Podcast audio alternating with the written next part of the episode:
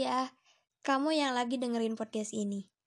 Terima kasih ya sudah bertahan sampai detik ini. Kamu tahu nggak kalau kamu itu hebat? Kamu itu kuat, makanya kamu bisa bertahan. Meskipun awalnya terpaksa, tapi pada akhirnya kamu akan terbiasa.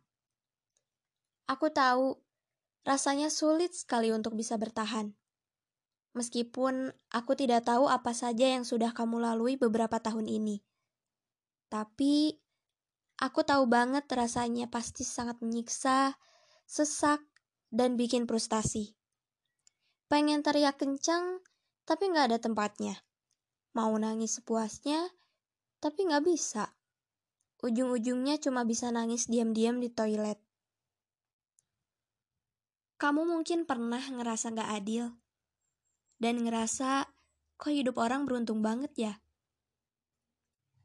Padahal itu cuma kelihatannya aja loh. Semua orang juga pasti punya penderitaan masing-masing. Hidup itu emang berat banget, karena dunia yang kita tempati ini adalah tempatnya ujian. Jadi selama kita hidup, pasti akan ada banyak ujian yang harus kita selesaikan. Kalau kamu udah gak kuat sama ujian itu, Jangan kabur dari bumi ya. Kabur bukan solusi yang terbaik, tapi justru jadi cara terburuk. Kalau kamu ngerasa hidup kamu gak ada artinya, no babe, kamu salah.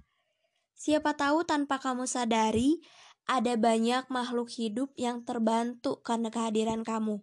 Misalnya, ada kucing jalanan yang masih bisa hidup karena kamu pernah kasih dia makan.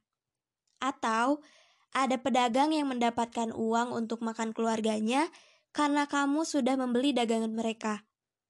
Atau ada orang yang diam-diam menjadikan kamu sebagai motivator di hidupnya. Dan ada orang yang merasa terbantu oleh kamu.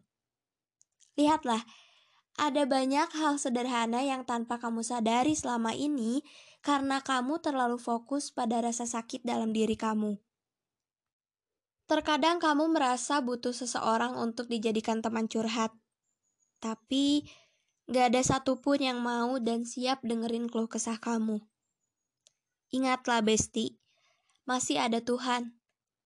Tuhan akan selalu mendengarkan keluh kesah kita kapan pun. Iya, aku tahu Tuhan yang memberikan ujian itu kepada kamu. Tapi, bukan berarti Tuhan jahat. Tuhan itu baik banget. Buktinya, meskipun kamu sempat berprasangka buruk padanya, tapi Tuhan tidak membenci kamu. Tuhan masih memberikan kamu kesehatan, rezeki, dan menyelamatkan kamu dari bahaya. Aku tahu, pasti sudah banyak air mata yang jatuh di pipimu.